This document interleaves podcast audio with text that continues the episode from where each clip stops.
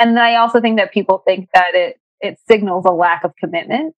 And if anything, I think that the most functional non-monogamous relationships I see involve a lot of commitment, you know, a lot of commitment to processing feelings and holding boundaries and making sure everyone has what they need and make sure you have what you need. And like, there's a lot of work that goes into it because you're creating something from scratch and developing it all the time. This is the Move Your Talks podcast, where the intention is to empower you to be more of you. Your journey of becoming more fully alive and exploring what a life of meaning looks like starts now. Non monogamy is a topic that seems to trigger many people. On the other hand, it is also a topic that seems to make many people feel fully alive. I'm here to uncover these stories that limits us to see things as either right or wrong. What are the preconceptions that we carry around non monogamy, and when did we learn that there was a right way to relate to each other? This is a conversation with couples and relationship therapist Jana Talon Hicks about relationships that doesn't fit the societal relationship escalator, the beauty and the challenges that comes with having the courage to actually choose different. This conversation will talk to you about coping with your own jealousy and also receiving your partner in theirs and the difference between healthy boundaries and controlling your partner and we also covered the topic of why choosing non monogamy is an act of courage. Jana Talon Hicks is blessing the world with pleasure positive and consent based sex education. And I truly appreciate the way that she showed up for us in this conversation. Now, I'm very curious to hear about your thoughts on this episode. So make sure to post this on your story while listening and tag me so that we can connect for a chat and some high fives. Hi and welcome, Jana Talon Hicks, to the Move Your Talks podcast. Thanks. Mm, it's so lovely to have you here. I'm I'm curious to check in with you before we get started with this with this juicy conversation that we're gonna have. So, like, uh, how how is your heart and your soul doing today? Um, pretty good, I think. Yeah, I mean, we're coming off the weekend, so that's always nice and relaxing, and the weather is awesome here right now. We're like almost into the fall. So it's like really cool and breezy, but still sunny. So I just got back from taking my dog on a walk out in the woods, which was really nice. Mm, that's nice. Do you live do you live close to the woods? I do, yeah. It's like right out the back mm. door here. So nice. That's yeah, it is really nice. Mm, all right. And where is your attention right now in life? Is there any specific area that you're like curious about or yeah, where's your attention? Um, I mean, I feel like my attention is sort of all over the place. Like, I mean, there's so much going on, especially like, I mean, in the world and here in the US, like half of our country is like on fire, actually.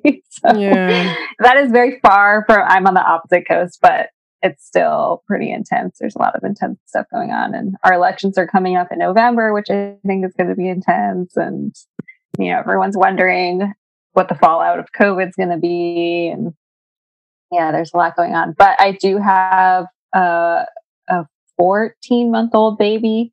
So he takes a lot of my attention. So he kind of keeps me focused. Mm, that's so that's good. It's helpful. Mm. Yeah. Nice. Do you feel like you're affected a lot by what's going on around you?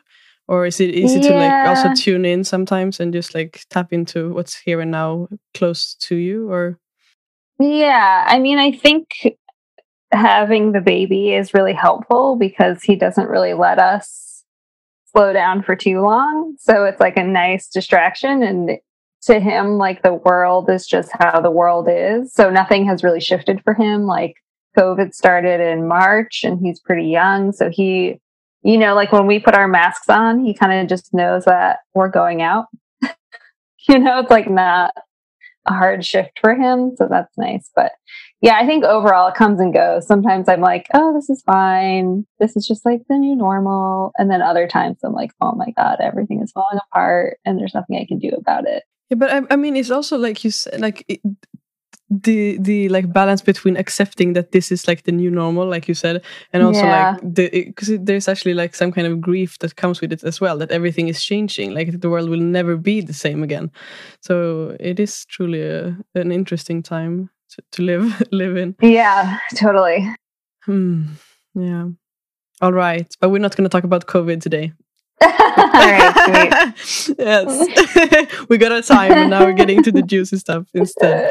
Um, um, we're going to talk about uh, open relationships and non-monogamy and uh, i'm i'm so pumped to have this conversation because like something that is important for me in this podcast is to to challenge people's beliefs about what is right and wrong. And i i do know that at least here in sweden where i'm based there are a lot of like yeah i mean beliefs and stories about what open relationships might mean. So i'm curious to like break down the myths and the thoughts and ideas that people have and to hear from you like what does it really like mean? And how can we start to view and see open relationships and non-monogamy as something that isn't like as i mean as strange and and yeah i mean challenging as many people might see it Mhm. um, but first, I'm curious to hear a little bit about about you. Um, like, if you look back at your life and the things that you have been through and everything that you have, like, both emotionally experienced, but also like things that you have achieved, what would you say that you're most proud of in your life? Um, I think, I mean, a few different things. I feel like I'm proud of the work that I've done to have the career that I have, um, which kind of just like accidentally has not been drastically impacted by COVID too much, which is, I feel, is very fortunate. Um, and yeah, I think getting through childbirth. Mm, it's yes. like one of my most victorious moments. Mm, wow. Can I swear on this podcast? Yes, of course. That shit is hard. Yes. Oh, and the hor I don't know, like the hormonal roller coaster afterwards was so Mm. hard. And I had postpartum depression really bad, and that was really hard. And I feel like I'm finally just sort of like starting to balance out so I can like look back at it and be like, yes, I did that thing. Like I no longer feel like I'm like in the trenches. But yeah, so I feel like that's the emotional answer. And then my logistical answer would be my work. Mm, I see. But, But, I those like are that. the two things Yeah. I am like most immersed in. You know, I'm either parenting or I'm working most of the time. So Mm, love it. Those are great things to be proud of, and I can only imagine the challenge that comes with like being a mom. And I'm I don't have any kids myself, so I don't know, but I can just imagine. yeah. It really like rocked my world. I was shocked that how challenging it really was. And now I feel like it's interesting to like look around me and be like, this person's a parent and this person's a parent and like this person gave birth and this person gave birth. Like I can't believe people are just doing this all the time. yeah. more than once sometimes. And I'm like, I don't get it. It's so intense. I mean, it's, it's awesome. It's the payout is really great, but it's a lot of work. yeah, it's it's crazy. It's crazy that, like you said, that everyone is just doing it. It's like we're supposed to do it. Yeah, I'm like, what the? Somebody, I was listening to a celebrity. I've been like binging podcasts about celebrity interviews. Mm, and there's this celebrity i don't know if you know her her name is lake bell and she was talking about childbirth as like one of the most extraordinary ordinary things that people do like it's so ordinary and regular and it's also totally nuts yeah, that is so true. Wow, it's crazy. mm, yeah. All right. And when it comes to your work, then what would you say is the most meaningful part of your work and your mission? Um, I think to me, something that I love about my work is being able to. So I, I primarily do sex therapy with people, and I make it very known that I work with people who are like mostly in quote unquote alternative lifestyles. So, like, I kind of want all of the folks that feel like they can't talk about their intimate and romantic lives super openly to feel like they can come talk to me. And I think like part of it, it's interesting because I feel like a lot of it is just like not rocket science. you know, you just like let people say what they want to say and need to say, and you just react like it's normal because mm. it is. And I think like people come in and they're, you can see them being so, I mean, not everybody, but a lot of people will come in feeling really like tense and like anticipatory about what they have to say. Or they'll be like, I've never told anybody XYZ before. And then they say it, and you're like, yeah, like, cool. You know, that's like totally a regular thing and then you can just like feel them like dropping like 50 pounds of baggage mm. and it's awesome and it's like feels very it's almost like too easy at least from my standpoint obviously not from theirs but it's just like all you have to do is like receive it and i think that with sex and sexuality in particular especially here i don't know so much about sweden but it's just so cagey you know like we're simultaneously super obsessed with sex and just don't talk about it in a way that's helpful.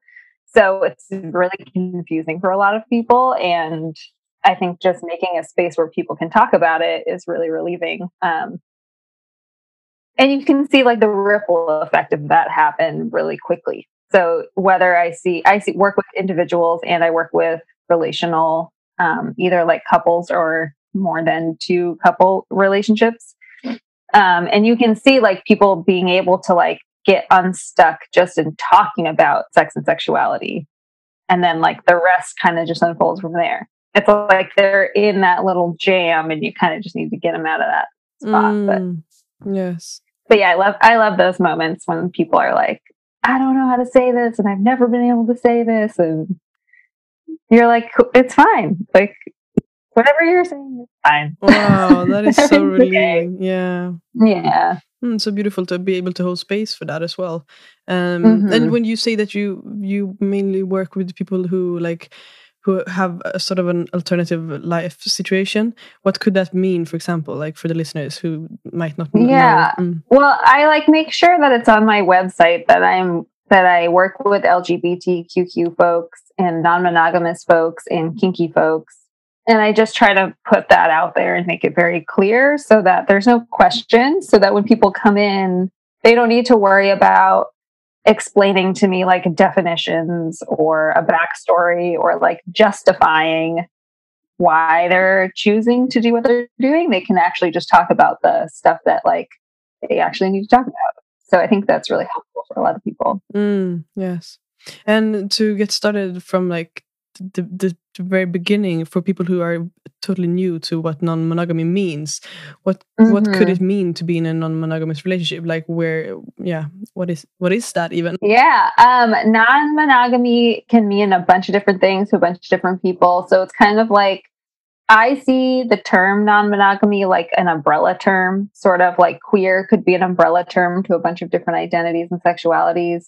Non monogamy can be an umbrella term to a bunch of different relationship structures that are not monogamous. So if we understand monogamous as being like two people are in a committed sexual romantic relationship and those are the only, you know, they're the only ones doing those things with each other, then non-monogamy can look like for some people it looks like dating multiple people at the same time. For some people, it looks like being in a committed triad where three people are committed to each other but aren't seeing other people outside. It could look like a couple sleeps with other people casually or together. It could be um, relationship anarchy, is another term, which is kind of like looking at relationships in an entirely different way that's not focused on like a hierarchy or like sexuality having to be a part of it or romance having to be a part of it. That's sort of like pave your own way, make your own rules, like redefine the whole thing from scratch. Um, so there's a bunch of different ways that someone could be non monogamous. Um, mostly what unifies it is it's just looking at relationship structures different than like this person is with this person and like happily ever after the end. Mm. Yeah. And where does it come from, really? Like the story that relationships should be in a certain way? Like from where does this idea come from that we should only be with one person and that's that's the story? Like we meet someone, we go on a date, we get committed to each other, I don't know, we move in, we get kids, like that whole escalator. Yeah. Like where does that yeah, idea totally. come from? yeah. I mean, and that's I don't know who coined the term relationship escalator, but that's like what they call it, right? It's like like you're saying, like you meet each other, you go on a date, you like move in together. You know, there's like an order of operations. And I'm not really sure like where I don't know enough about like the history of like marriage and stuff like that to say for sure. But I know, you know, like marriage is an institution that existed for a reason like a while ago, where like it's about resources and like patriarchal power structures and like child rearing and like you know your community. But like it's not always like that. There's like plenty of communities that like share resources share child rearing like share all of that stuff. So i think that you know a lot of it is just culturally reinforced. So like here it's like you're not going to see a disney movie where like the princess has like three boyfriends or whatever. Yeah. just not in our lexicon and I think that like more and more we're getting some representation, but it's usually like pretty sensationalized. Like it's like reality TV about like, oh, look at these people doing this weird thing. It's not really like, you know, there's not like a regular character in like a sitcom It's like non monogamy. Because I think for a lot of people, practically speaking, non monogamy is like pretty like boring.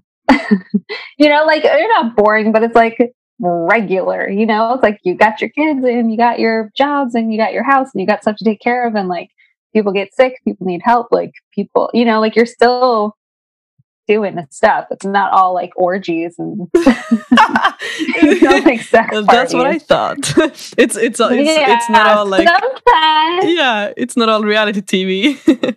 Yeah, no. But like, I mean, sure, that could be included, but those people are still like living their normal lives mm. also, you know, like Yeah. Yeah. Of course. And and what are some reasons that people might want to look into sort of like maybe opening up a relationship or tapping into some some yeah some kind of non non-monogamous relationship what are the the main factors that people like get curious about it in the 1st mm-hmm. in the first way yeah, I mean, I think it depends on the person. I think for some people, like their track record with monogamy just hasn't been very successful. So they notice that, like, maybe they cheat a lot, or like they notice that it's not making them happy. And then they kind of find that there's this new avenue where, like, it's really important that in non monogamy, like, everyone's above deck about what they're doing. So it's like a consensual agreement, which is different than cheating. So, like, in cheating, I'm going to sneak around and do whatever I want, essentially. And in non monogamy, I'm going to tell my partner, like, here's what I want to do. Like, what do you think about that? Or, like, you know, there's a little bit more of a process. Um, so I think for some people, it's like their track record with traditional monogamy just like doesn't really work. So they're like, what else is there? For other people, I think it's like an issue of sexuality. So, like, they might be with like a dude, but they want to explore having sex with women or they want to like explore like their own queerness and things like that. And it can't happen in the way that they want it to happen within their relationship. So they might open it to go check out some other stuff. For some people, it's like uh, logistical stuff. So, like, maybe you travel a lot and you want to like date other people while you're away. Um, or while your partner is away. For some people, it might be like someone's sick or injured and like maybe there's like a sexual component that can no longer be a part of your monogamous structure so you might look outside of it. Um, and for other people they just like don't want to be in the confines of that structure at all. So they might be dating a bunch of different people all at once and kind of set their own rules and their own boundaries and like not have anything to do with the relationship escalator maybe only pick out certain parts of it. So i think yeah and i think also for other people it feels like uh, like an orientation. Like for some people, they think they feel like they're practicing non-monogamy, like it's a relationship structure they're choosing. For other people, they feel like it's like an intrinsic part of who they are, that they are polyamorous, that they are non monogamous, that like they're never just going to love one person. That's just like not part of who they are. So, and then I think for some people, it's like political, you know, like it's kind of like a fuck the system feeling of like, I don't want to play this game for these reasons. Mm, lovely. You cover it so well. And um, what do you think is like the because i'm curious about like both the, the, beautiful parts of being in a non-monogamous relationship but then also like the challenges that comes with it because to me i can only imagine like the amount of jealousy or like other emotions that would would come up and and and to me i see it as a way to really like be like to be on your in in like in your own personal growth it has to be a sense of like self-awareness in order to be in a non-monogamous relationship. Um so i'm curious to hear like what are the like yeah the, i mean the pros and cons the beauty and the challenges. Yeah and i i usually tell people that um like all relationships on the spectrum of monogamous to non-monogamous have the ability to be like healthy and easy and joyful or super hard, really challenging, unhealthy, needing some adjustment. So that's just like true of human relationships in general. I think that sometimes people see monogamy and are like, oh, that would be easier because I have this structure and this commitment and this fidelity that's certain and it's just not certain. You know, like if we look at cheating statistics or divorce rates or like, you know, all kinds of stuff can happen. Like that's not certain. It just looks certain. And I think what's scary to people about non monogamy is it looks at that inherent uncertainty and is like, yep, that's there. Like we don't really know what's going to happen. Um, and it kind of like acknowledges it like right from the get go so I think that's can be really scary for people. Like there's so much that we just block out of our brains because like we can't handle the the threat, the impending threats of it. Um, so I think that can be hard for people. I do think that like, you know, having you like for example, if you were to do like a partnered non-monogamy where you're like in a couple but you're kind of seeing other people, I think it can be really scary for people to have that like potential exist. You know, like the jealousy crops up. I think there's uncertainty that crops up for some people. Um, but also jealousy crops up in monogamous relationships. So I think it's kind of like it kind of really depends on like the person and what like triggers you and what kind of activates your abandonment fears or like your attachment style and things like that. Um, but yeah, jealousy is definitely present. I think it's definitely people's main complaint when they think about non monogamy. Um, and yeah, jealousy sucks. It's like a really hard emotion to be in. And I think that there's like a lot of shame on top of jealousy, you know, like we're like proud if we don't feel jealous and we feel weak if we do feel jealous. So I think for a lot of people, normalizing jealousy as part of it is to just be like, this will crop up. And the best thing to do is to talk about it and to feel it and to develop coping strategies for it um, instead of trying to run from it, which I think ends up bringing up a lot more problems in the end. So I think if people can kind of look at jealousy as a normal part of the process, they're going to have an easier time with non monogamy in general. Um, and I also think that it's like, you know, non monogamy in a certain way is like a privilege. Like it is costly and you need to have like a schedule that allows for it and the resources that allows for it and like the time and the energy and the mental health and mental capacity to like emotionally process and like talk about your boundaries and do all that stuff. And I think for some people, they just don't have the time or the energy or the resources to commit to building that kind of relationship. I think for some people, they can definitely hit like a groove where it becomes second nature and it is easier to kind of like hit uh like an autopilot almost with it. Like you might with a monogamous relationship, you have your routines and you kind of know how things are going to go. But I think for some people, non monogamy is um, there's a lot of moving pieces, and you kind of need to have the the bandwidth to navigate all of it. Mm. And talking about jealousy, that is that is interesting. Like, because what I hear you say is also like to change the idea of like pushing the jealousy away but also like inviting the jealousy that it's okay to feel Yeah. to feel jealousy um what do you think are some ways to actually cope with jealousy like both our own jealousy but then also our partner's jealousy when like to receive jealousy of our partner Mhm. do you have any Yeah. advices Yeah, I think like jealousy is something that like um I call it or not I, I forget who developed this too, but they talk about it with anger. I want to say it's Gottman, but I don't know if that's true. But it's like anger is an iceberg emotion and so is jealousy. So the idea is that like jealousy is the tip of the iceberg. It's like what you can see and it's what's most present and then underneath it there's all this other stuff.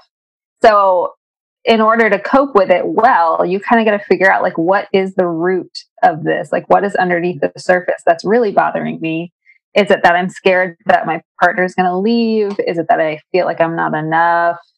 Um, is it that yeah, like I have like self confidence issues? Is it that I'm comparing myself to this other person? Is it that I don't feel like I have agency in this relationship? Like, am I okay with this structure or am I actually not? You know, like for some people, jealousy is like a check engine light. It's like alerting you that something is off. And it could be that something is off in the way that you're feeling about yourself or thinking about yourself. And it could be that something is really off in the relationship and that something isn't right and does need to be adjusted or boundaries do need to be discussed or like, you know, it's hard because maybe like your partner is being dishonest, right? Like cheating can happen in non monogamy also. Like if you decide that your boundary is like XYZ and then your partner blows through that boundary, like that's essentially cheating, right? You're not being uh, true and honest to the boundaries of what you've decided to do. So I think for some people, jealousy is like really alerting you to something for real. And I think sometimes jealousy is alerting you to something that maybe could be thought about differently. So I think part of it is figuring out like what's going on underneath.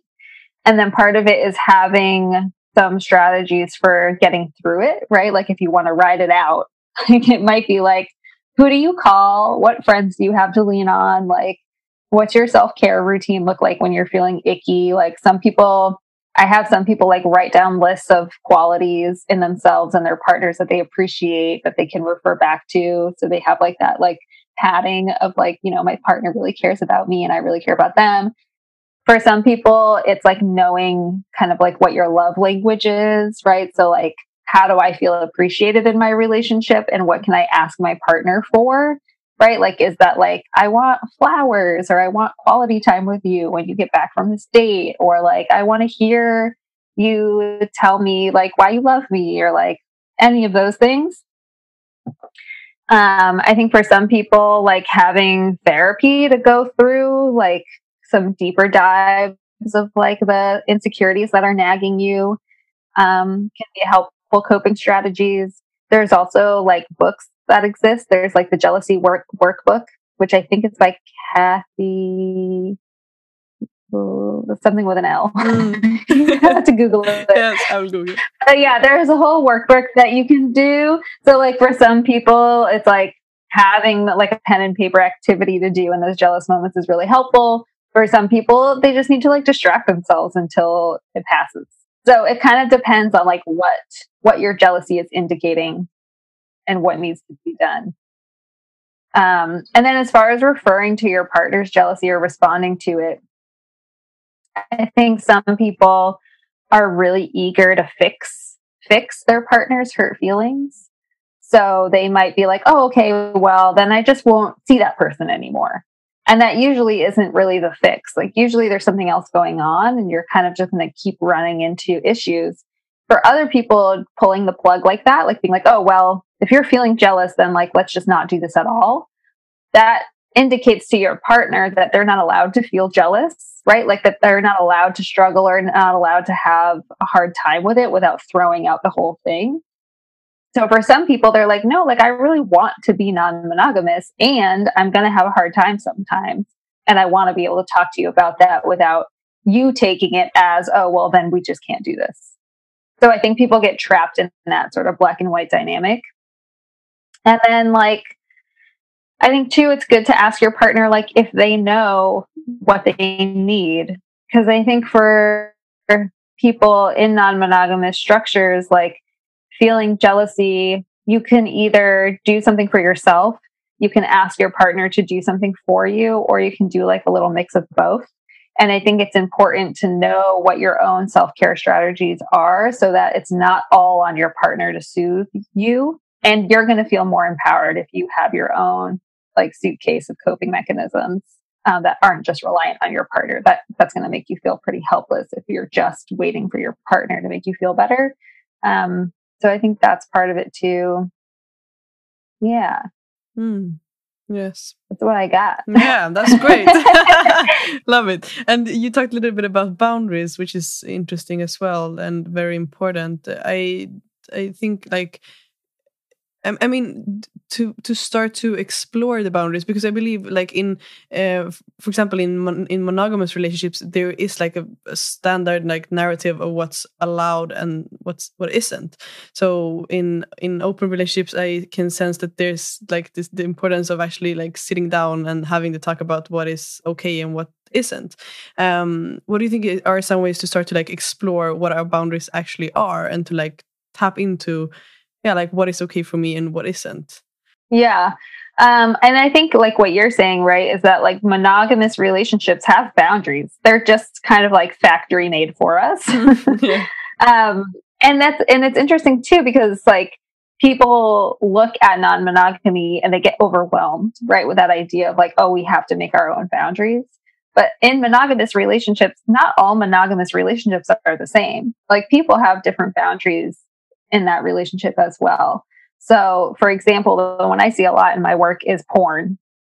Some people find like if their partner is like masturbating or watching porn, they think that's cheating. They think that's like unfaithful and they get jealous of that.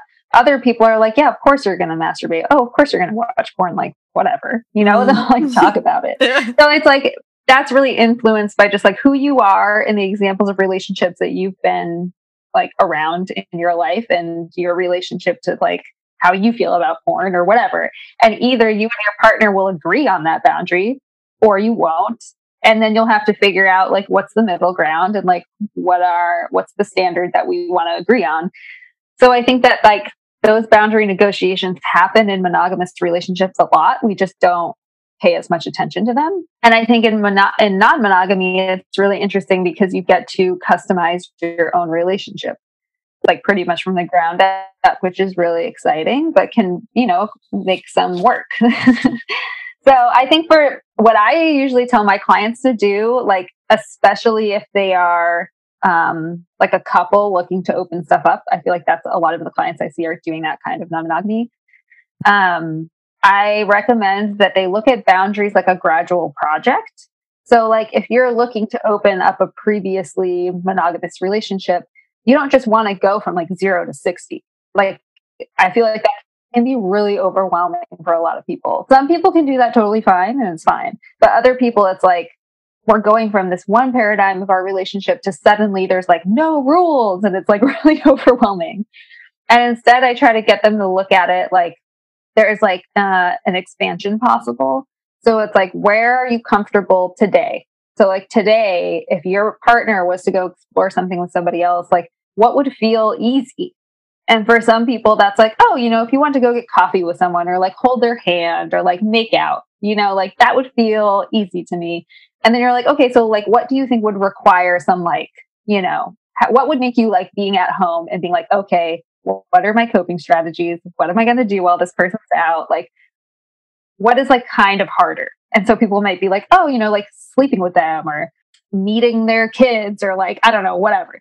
And then you're like, okay, now where is like your kind of like furthest limit where you're like, I don't know if I could do this. Some people might be like, oh, like, you know, you mm, going on vacation with them or being in love with somebody or like whatever. So then we kind of get like a barometer of like, where are you at?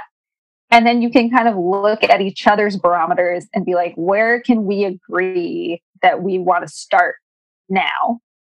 And then have, and I tell people to check in either in two weeks or a month and like make a check in date, like put it in your calendar and check in and be like, all right, what's going on now? Because usually what happens is people go into an open relationship and in theory, it looks one way. And then in practice, when you're folding in real people, it feels a totally different way.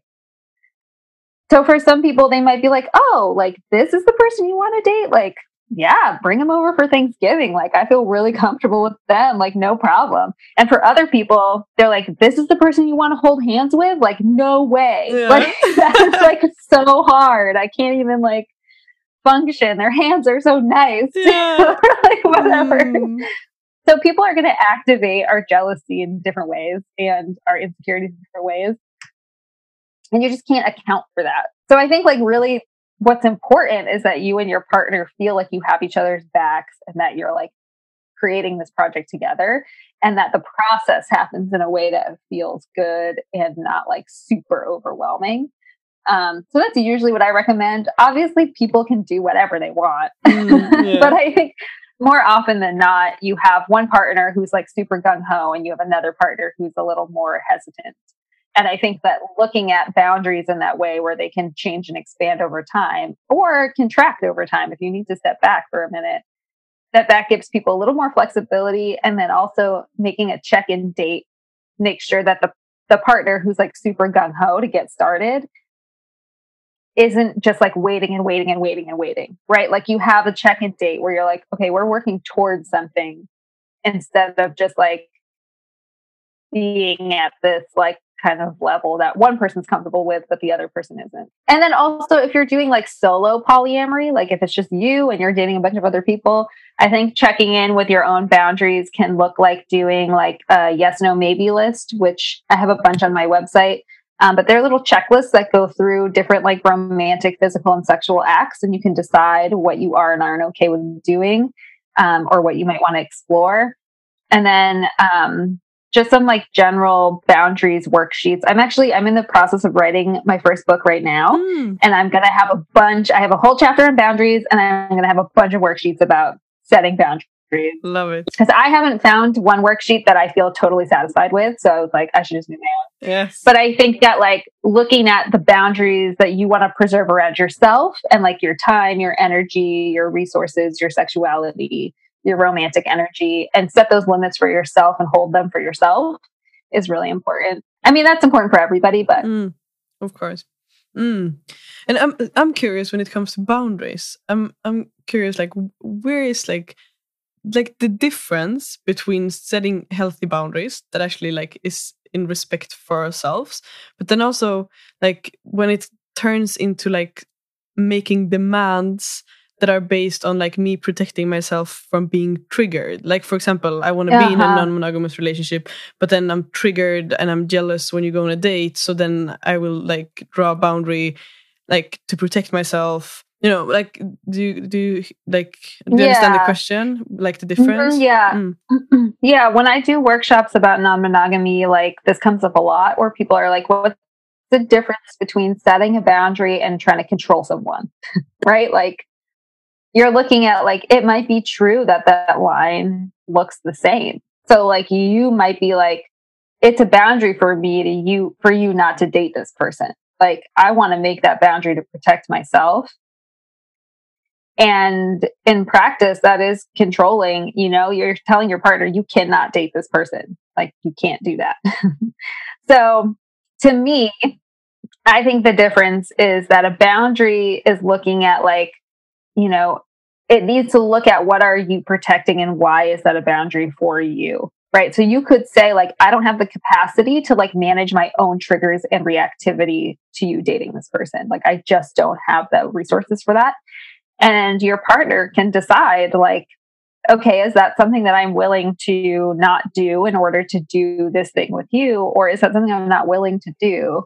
And i and those are like the decisions that monogamous people make all the time right? It's like am i willing to do this thing to be in this structure or, or no? Do i want to leave this structure so I think at all times, like people need to be able to opt in and opt out of what they're doing because at the end of the day, if you're telling someone like you have to be this way, and they're like, oh, okay, like that's not really going to end well. Like the two of you need to agree on what's going on. So I feel like you can ask for anything you want to ask for, but you are not guaranteed to get it. and that's something that people need to be prepared for. And that's true for all relationships. It's not just for monogamous ones. Um, I also think the difference between setting a boundary and being controlling is like how do you receive someone's response to it? So like if you are setting a boundary to protect yourself and your resources and your energy and like those types of things, that's okay. But like if your partner is like, I'm sorry, I can't like do the thing that you want me to do, and you're like, well, you better do it, or XYZ, or like, you know, being manipulative or like abusive to get what you want, like that's a whole different ball game. Mm. Um, and I also think for some people that get into this situation, like this example of like someone's your partner is dating someone that makes you really uncomfortable, you can say like why that is and some ideas that you might have to mitigate it there could be like a gray area that you and your partner and this other person could come up with. It doesn't necessarily need to be all or nothing. And I think people forget about the gray areas when they feel threatened. Um, so I usually tell people like, can you and your partner and or you and your partner this other person come up with a list of ideas of like what might mitigate what the issue actually is you know like what is actually triggering you about this person? Um, or their dynamic or you know whatever and like what are some ideas that you might have? Is it like communication needs to be different? Is it that like you and this other person maybe need to go out and hang out together and get to know each other a little bit better? Like where's the middle ground? Is this a temporary feeling or is this a permanent feeling? Um yeah. It's tricky because i feel like there is no real black and white mm playbook to this stuff. Yeah. But that's also what makes it interesting. Yeah. Yeah, totally. And that's the thing too, right? Is like we're wired for variety. We like love variety. So I think part of it is a little bit like I think some people are drawn to non-monogamy because of the drama. Yeah. You know, like not like not like in a bad yeah. way, but like, you know, it's exciting. There's like always something going on and Yeah. And I think some other people, that's why they don't want it, is because they're like, I need some sort of baseline of stability here that maybe this doesn't provide me. And other people slide into non monogamous relationships that are super stable and really easy from the get go because, like, that certain combination of people and their communication styles and what they know about themselves is like easy. Mm, yeah. Those are just the ones that you don't hear about the most. yeah, exactly yeah but i think i'm definitely drawn into it as well like it, it it resonates with me like the idea of like that everything isn't black and white because i can get like tired of that right. in, in, every single like aspect of life when things are just like this is right and wrong. That's like it's super i don't know it's so limit limiting in a way. Yeah. Um, and in the beginning like in in your story like where did you start to like tap into to these questions and work more with with this stuff? Like how did i start working with folks that were non-monogamous? Yeah exactly um, well, just personally speaking, I've been like in and out of a bunch of different styles of monogamous and non monogamous relationships. Um, and it's funny because my partner and I right now would describe ourselves as monogamous. And I'm sure that certain traditionally monogamous people might not agree with our definition. Yeah.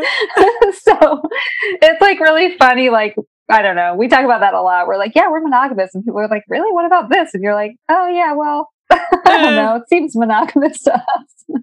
so I think like certain people have different definitions of things. Um, but so for me personally, I think I got interested in it because I was just organically interested. You know, like, what does that mean for me to have this like kind of different customization over my relationships? I had a lot of crash and burn moments for sure. so like a lot of my drive to like, you know, think about and teach about and do therapy about this stuff is that I'm interested in it because it's so hard. Mm, you know, just like yeah. personally, I find it so challenging that I'm like very fascinated with it. It's like a very like um we have this, I don't know if this translates, but we have um this saying called those who can't do teach, meaning like if you can't do it, you're not very good at it, you end up just teaching about it instead. Exactly. and sometimes that's how I feel about my career. But yeah, I just think it's really fascinating about like how people work and what draws them to different relationship styles and how do they get their needs met and what are their definitions of like love, sex, and romance and commitment. And yeah, I just I like the flexibility of it. And I think that a lot of the like I just to me in my area where I live, there's non-monogamy is like all over the place. Like there's so many non-monogamous structures um, that the need is there to have therapists that, that are available for that that aren't going to be like, oh, okay, like define non-monogamy for me or like explain to me why you're interested. I think a lot of non-monogamous clients just like really want to talk about stuff that all the other folks need to talk about. So I think that you know, letting people know from the gate that you're open to that and mm. that it's normal in your office can be really helpful for people to be able to work through the everyday relationship struggles that they have. Yeah. And what do you see like when talking to people who are in in monogamous relationships? What do you see are like some of the like preconceptions and beliefs and thoughts and like stories, ideas, I don't know what to call it, uh, mm-hmm. that are mm-hmm. most common that people have when when talking about non-monogamy? Um, I think that people think that non monogamous people are all like bisexual, kinky, commitment phobes yeah. that just like want to run around and have sex all day. Um, and I'm sure that's true in some cases, or some of that is true in some cases. But I think a lot of the time, people in non monogamous structures like have a lot of reasons why they want that are drawn to non-monogamy and they have a lot of reasons why it works for them and they have reasons why it doesn't and everyone has this complicated relationship to relating to other humans. Like i think that's a universal thing. So i also think that a lot of people think it's a lot of like it's very sex focused or it's very sexual and i think for a lot of people their non-monogamy is not about sex um, or they are asexual or they're not interested in that component and non-monogamy works for them because they can have flexibility in how they define their relationships. Um, and i think for a lot of people like resource pooling makes a lot of sense. Like i know a lot of folks that are in non-monogamous structures that are like pretty committed and they have like kids are involved and like those kids are super supported you know, like they have a bunch of adults that are there to support them. Like they don't go without somebody at a dance recital, yeah. you know, or like whatever. Um, and I think people worry a lot, you know, they're like, well, what about the kids? It's like, well, like any other relationship, like any, like as a monogamous couple, you're not going to go downstairs to the breakfast table and like start talking uh, explicitly about sex to like your like tiny child like and like non-monogamous folks are no different. You know like the adults around them are being appropriate boundaried people or they you know they sh- should be and usually they are. And it's just like they just have more adults around. Yeah. So i think that people yeah i think that people think that like non-monogamous folks suddenly have no boundaries or morals yeah. or values and it's just not true. Oh, so, so like and again, that's a lot about like the sex phobia that we have. You know, people are like, it's kind of similar to like, similar when people are like, oh, well, like, how do two women have sex? It's like, why? First of all, how do you freaking think? Like, all kinds of ways. Yeah. Second of all, like, why is that what you need to focus on? You know, it's just like we create this idea that like we can't get away from sexualizing folks that aren't in this like heteronormative path and so I think when people look at non monogamy, that's what they think about first. They think about the sex. They don't really think about the other stuff that's going into it. And I think that can be really frustrating for a lot of people.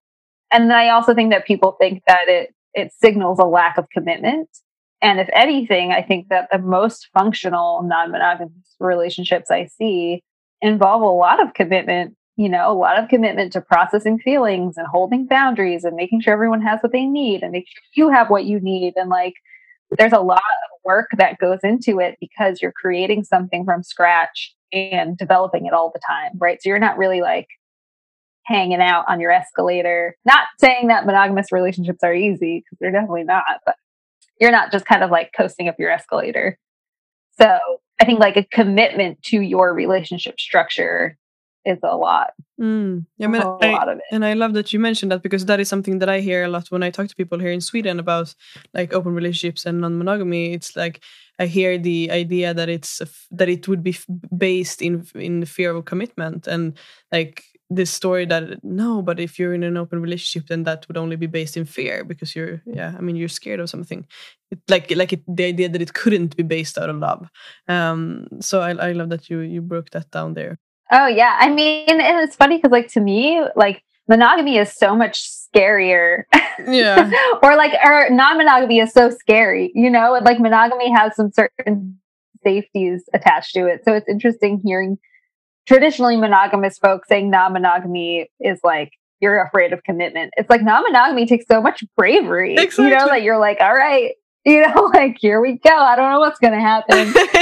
Like I'm just gonna advocate for myself and make myself open and vulnerable to like being jealous and scared. But I think like again, like I said, like relating to other humans is so hard for so like for all of us i think in different ways and it's scary and it's vulnerable and love is like unpredictable and relationships are unpredictable and sex is super complicated and i think that's true regardless of whether you're non-monogamous or not i think that people it's just easy for people to look at the other side of the river and be like oh over there it's like blah blah blah and it's like well why do you like worry about what's going on over here yeah yeah exactly that is so true Mm. And you, in the beginning of the conversation, you mentioned a book, eh, but I would, I would love to ask you if you have any more like book advices for people who want to dive deeper into these topics. I feel like we're just scratching the surface. Yeah. yeah. So the book that I am writing, I'm really excited. It's my first official book. It's coming out next winter. Yes. Most likely is the date. Um, and it's going to be all about like basically it's going to be all about creating a pleasurable sex life for yourself based on your authenticity and your boundaries and the things that you want and the things that you don't want. And like it takes the reader through exploring all of that and kind of like crafting the sex life of their dreams essentially. So a lot of it is going to be about like sexuality and pleasure and sex and relationships but not necessarily all about non-monogamy. But i do think it's going to be very relevant to people that are in non-monogamous relationships. Um, but yeah, mostly my advice is to just like get to know yourself really well, you know, because I think that that's going to really inform like how you communicate about your boundaries, how well you know yourself, how well you know your boundaries, how well you accept your ex- desires um, and like limitations. And it's going to bolster your ability to ask for what you want.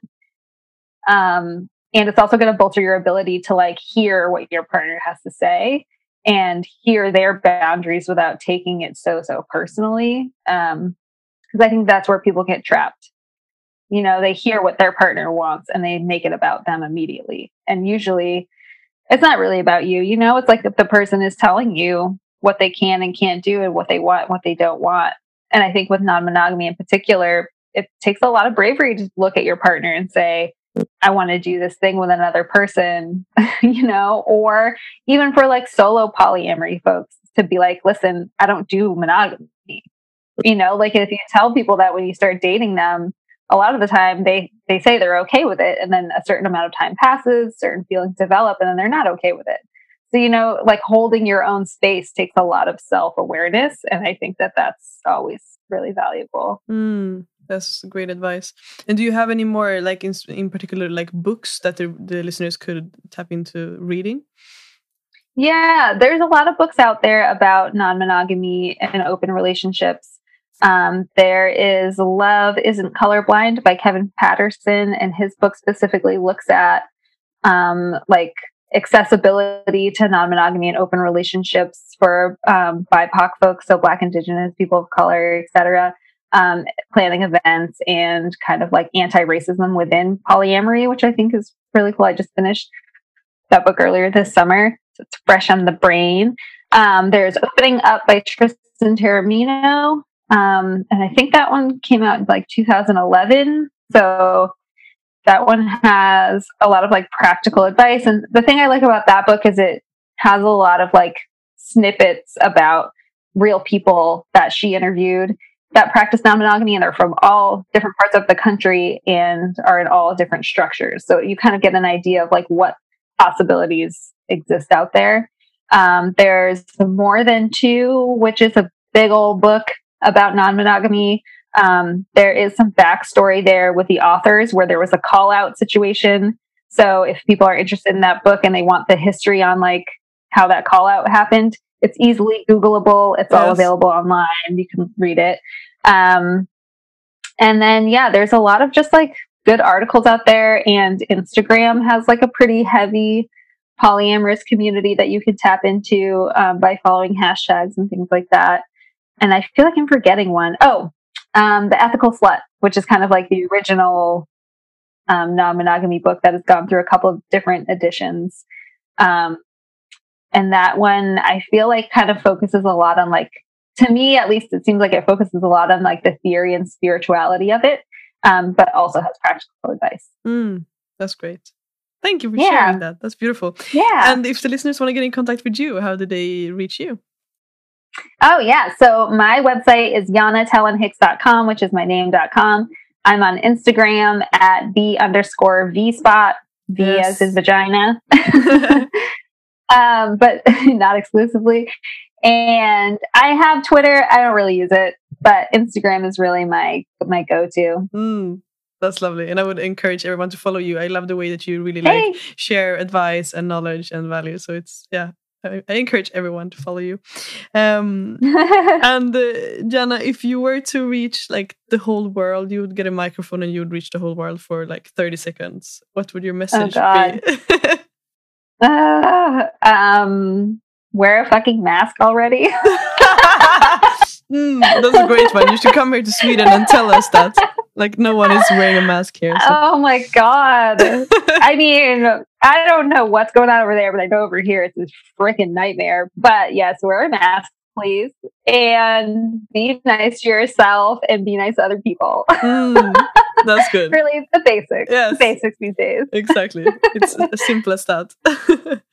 All right. And to wrap this up, is there any Uh-huh. question that you that I haven't asked you that you would like me to ask you? Um, I don't think so. No, I think we covered it. That's great. That's great. Yeah. I'm giving you the opportunity at least. Yeah. All right. Thank you so much. It's been a beautiful Yeah, hour or a little bit less than an hour. So thank you so much. Yeah. Thank you. Bye bye. Bye.